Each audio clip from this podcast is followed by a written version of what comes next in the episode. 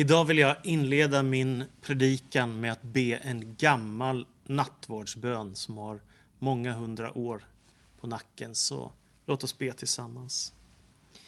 Gud, du mitt ljus, upplys mitt mörker. Kom du min läkare och hela mina sår. Kom du flamma av gudomlig eld och bränn bort mina synder. Kom du konung och intag din tron i mitt hjärta. Kom du helige Ande. Amen. Det var i början på 90-talet jag läste teologi på Örebro teologiska högskola och jag blev inbjuden att vara med och undervisa på ett öppen bibelläger på Hjälmagården som ligger i Sörmland utanför Vingåker. Och det var ett härligt gäng med unga människor som skulle vara där tillsammans ett antal dagar, en vecka för att lyssna till bibelundervisning, få vara med och lovsjunga och be för varandra och dela gemenskap och äta tillsammans. En kväll så hade några av mina kollegor en nattvardskväll med alla de här ungdomarna. Och det blev en så stark atmosfär. Vi hade varit tillsammans och bett och läst Gudsordet, tagit till oss undervisning, delat gemenskap med varandra under ett antal dagar och nu var det en sån här härlig kvällssamling och vi sökte Gud tillsammans och många var starkt berörda den här nattvardskvällen. När kvällen var slut eh, och vi hade avslutat allting så kom en ung kille fram till mig och så sa han, du, kan inte du be för mig? Precis när den här samlingen har avslutats. Så vi går och sätter oss i entrén på den här lägergården i en helt vanlig, typisk sån här lägergårdssoffa vid ingången till Hjälmagården. Och så börjar vi be tillsammans och jag lägger mina händer på honom och börjar be om Guds närvaro och kraft i hans liv. Och direkt så börjar tårarna rinna ner för hans kinder och han blir djupt berörd av Gud i den där stunden och får en gudsupplevelse, en stark andlig upplevelse. Vi kramade om varandra, vi skildes åt och det var slutet på lägerveckan så vi skulle åka hem sen. Och jag såg honom inte på flera år. Sen möttes vi igen någonstans, jag har glömt var. Och då berättade han för mig att han är nu ungdomspastor i en kyrka i mittersta Sverige. Och jag blev fascinerad av vad Gud kan göra i en människas liv när man blir berörd av den helige Andes kraft och närvaro. Att bli berörd av Gud, att bli berörd av en större verklighet, det är fantastiskt. Det finns många människor genom historien som kan vittna om det och berätta om det, att, att Gud faktiskt har vidrört dem, att de har upplevt den helige ande. Och en av de vackraste bilder jag vet på anden, det är elden.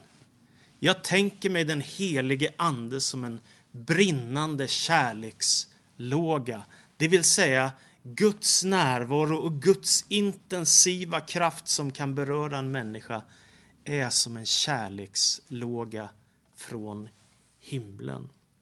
Aposteln Paulus han säger i Romarbrevet 5 och 5 att hoppet sviker oss inte därför att Guds kärlek har ingjutits i våra hjärtan genom den helige Ande. Så när anden kommer då börjar kärleken ifrån Gud verka i en människas liv, vilket är fantastiskt. Eller lärjungarna som vandrar efter att Jesus Kristus har dött och blivit korsfäst på väg mot Emmaus. Och så möter de Kristus igen, uppstånden ifrån de döda och han utlägger de profetiska skrifterna för dem. Och när de är klara den här stunden så står det i Lukas evangeliets 24 kapitel att de säger Brann inte våra hjärtan när han utlade skrifterna för oss? Alltså, de blev berörda av en större verklighet av Guds son som förmedlar ordet och förmedlar uppståndelsens verklighet till dem. När Johannes döparen kliver fram på scenen som är en av dem som förbereder vägen för Messias, banar väg för Messias och har en profetisk funktion så säger han Jag döper er med vatten i Matteus 3 och 11. Jag gör det för omvändelsens skull. Men han som kommer efter mig är starkare än jag och jag är inte värdig att ta av honom hans sandaler. Han ska döpa er med helig ande och eld. Jag tänker mig att Johannes döparen, som vet att han har en profetkallelse, han ser framför sig att den messianska visionen ska fullbordas. Det vill säga Guds löften som är givna genom profeterna ska nu gå i uppfyllelse och Messias är själva nyckeln och hemligheten till hela detta Gudsverk som nu ska fullbordas. Han ser detta framför sig. Därför är han själv en omvändelsepredikant som manar människor att vända sig bort ifrån det onda och destruktiva och vända sig till Gud. Och så säger han, men det kommer en efter mig som är starkare än jag. Han ska döpa er med helig ande och eld. Så Jesus är den som döper i helig ande och Jesus är den som låter den himmelska kärlekslågan får börja brinna i våra hjärtan. En dag så står han där på historiens scen, Jesus från Nasaret. Och han kommer till Johannes döparen och han ber Johannes om att få bli döpt i vatten. Detta är ett av evangeliernas mysterier. Varför ska han som är syndfri och som aldrig har gjort något ont döpas i vatten? För dopet är ju en slags omvändelsehandling där vi vänder oss till Gud och ber om syndernas förlåtelse.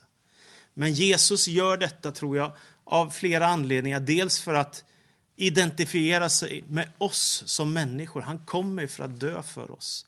Men också för att han, när han är 30 år gammal så ska han gå in i sin offentliga tjänst och gå in i det uppdrag som Messias, som Gud har kallat honom till. Därför blir han döpt i vatten. Och Det är en fantastisk händelse som finns i Matteus, det tredje kapitlet och vers 13 till 17.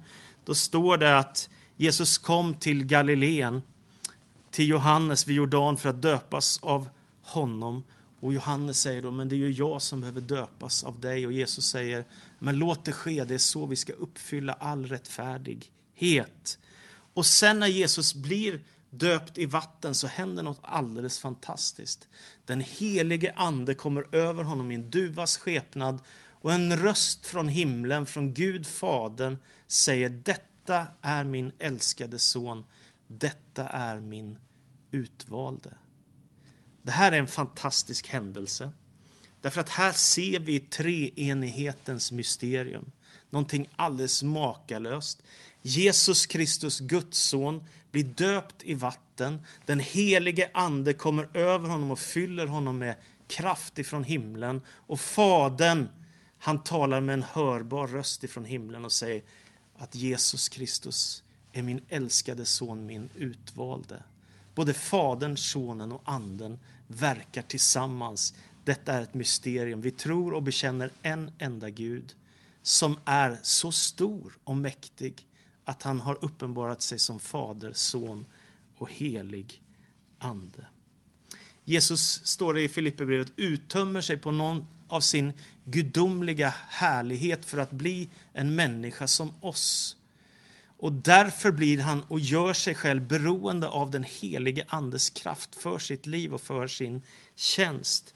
Det vill säga alla större viktiga händelser i Jesu liv, som hans födelse, hans dop, hans offentliga tjänst, hans helande under, hans ingripande i människors liv, hans död och uppståndelse. Allt detta har med den helige Andes kraft att göra i Kristi liv. Alltså det är så att Anden verkar genom Jesus Kristus och så sker mirakler ifrån himlen. Det är fantastiskt.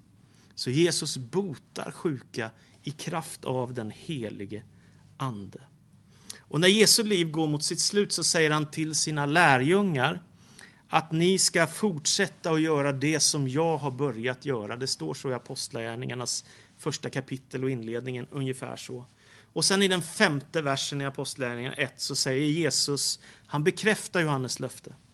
Johannes döpte med vatten, men ni ska bli döpta med helig ande om bara några dagar. Det här är 40 dagar efter påsken.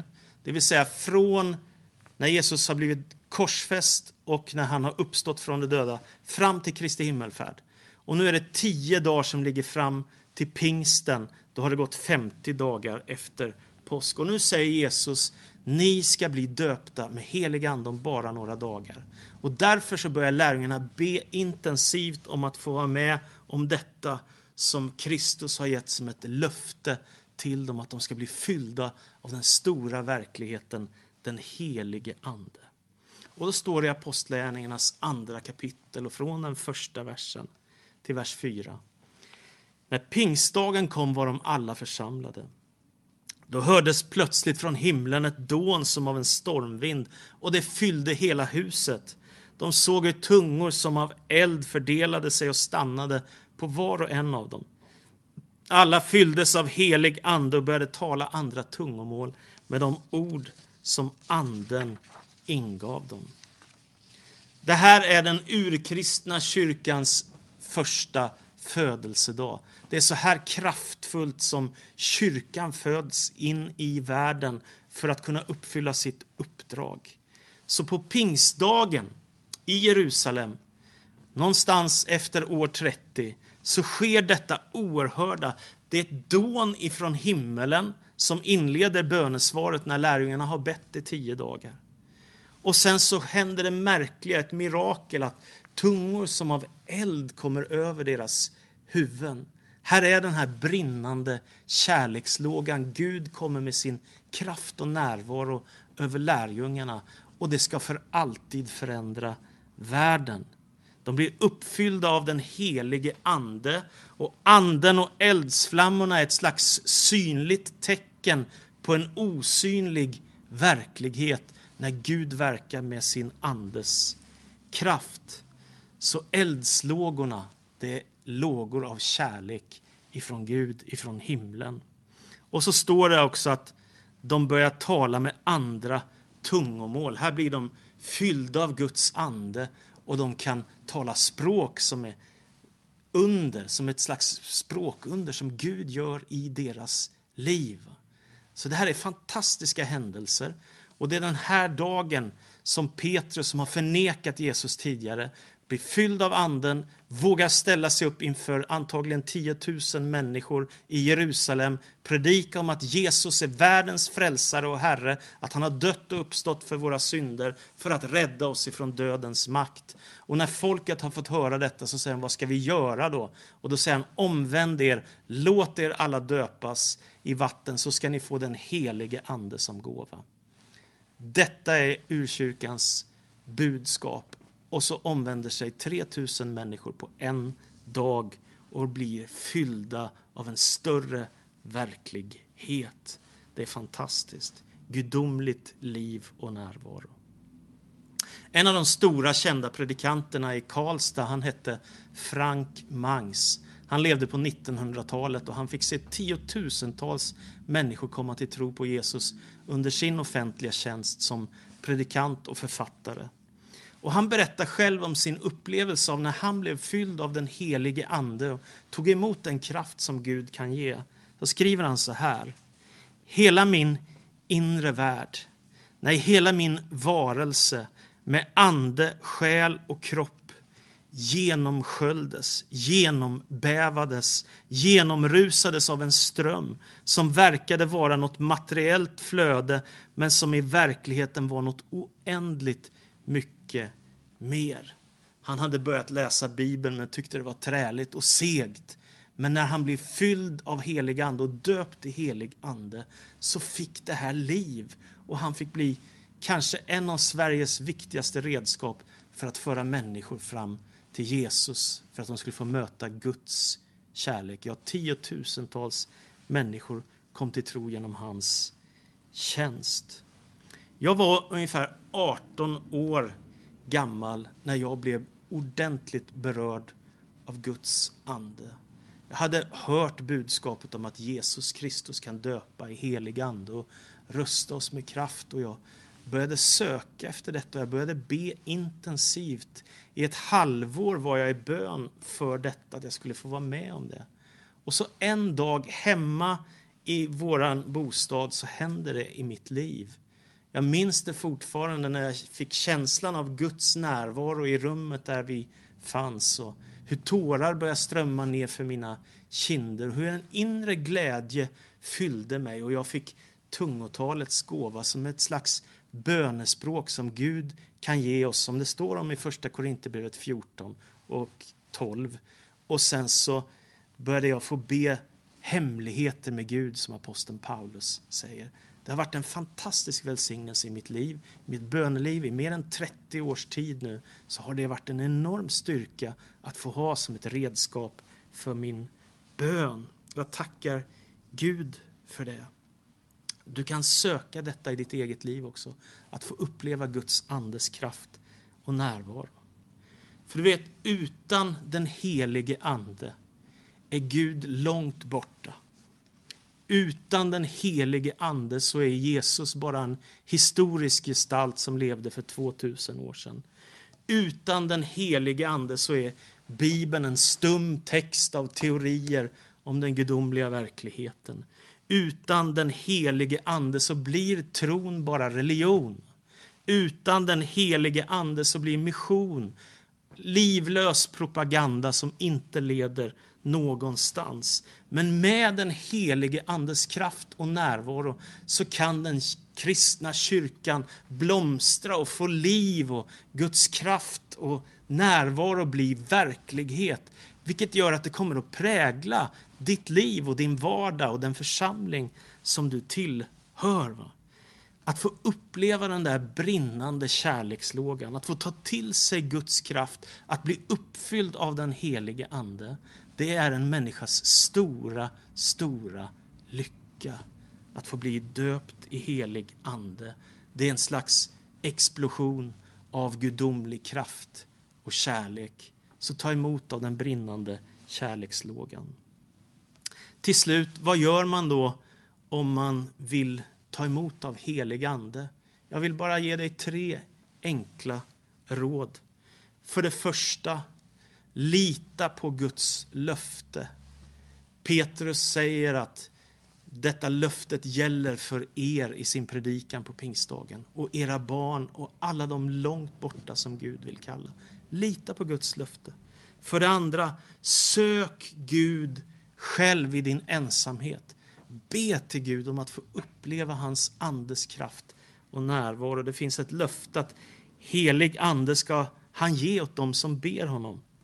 Och sen för det tredje, be om förbön och handpåläggning, att någon lägger sina händer på dig och ber om Guds kraft och välsignelse över ditt liv, så kommer du märka att det börjar hända saker i ditt liv. Det var så urkyrkan förmedlade helig ande. Jag gissar till slut att jag inte är helt ensam om den här längtan att få leva med Guds kraft, den helige Andes närvaro och vara en lärjunge och efterföljare till Jesus. Och jag tror att många av er som lyssnar har samma bön som jag, som man bad för många hundra år sedan i kyrkan på latin. Så bad man Veni Sancte Spiritus. Kom, du heligand och vidrör våra hjärtan så att våra liv förvandlas och vi får ta emot av den gudomliga kraften. Ja, du brinnande kärlekslåga, kom och fyll oss idag. Det är min bön. Och som avslutning så är min fråga till dig. Vad skulle hända med dig om du började söka Gud på allvar? Det undrar jag. Amen.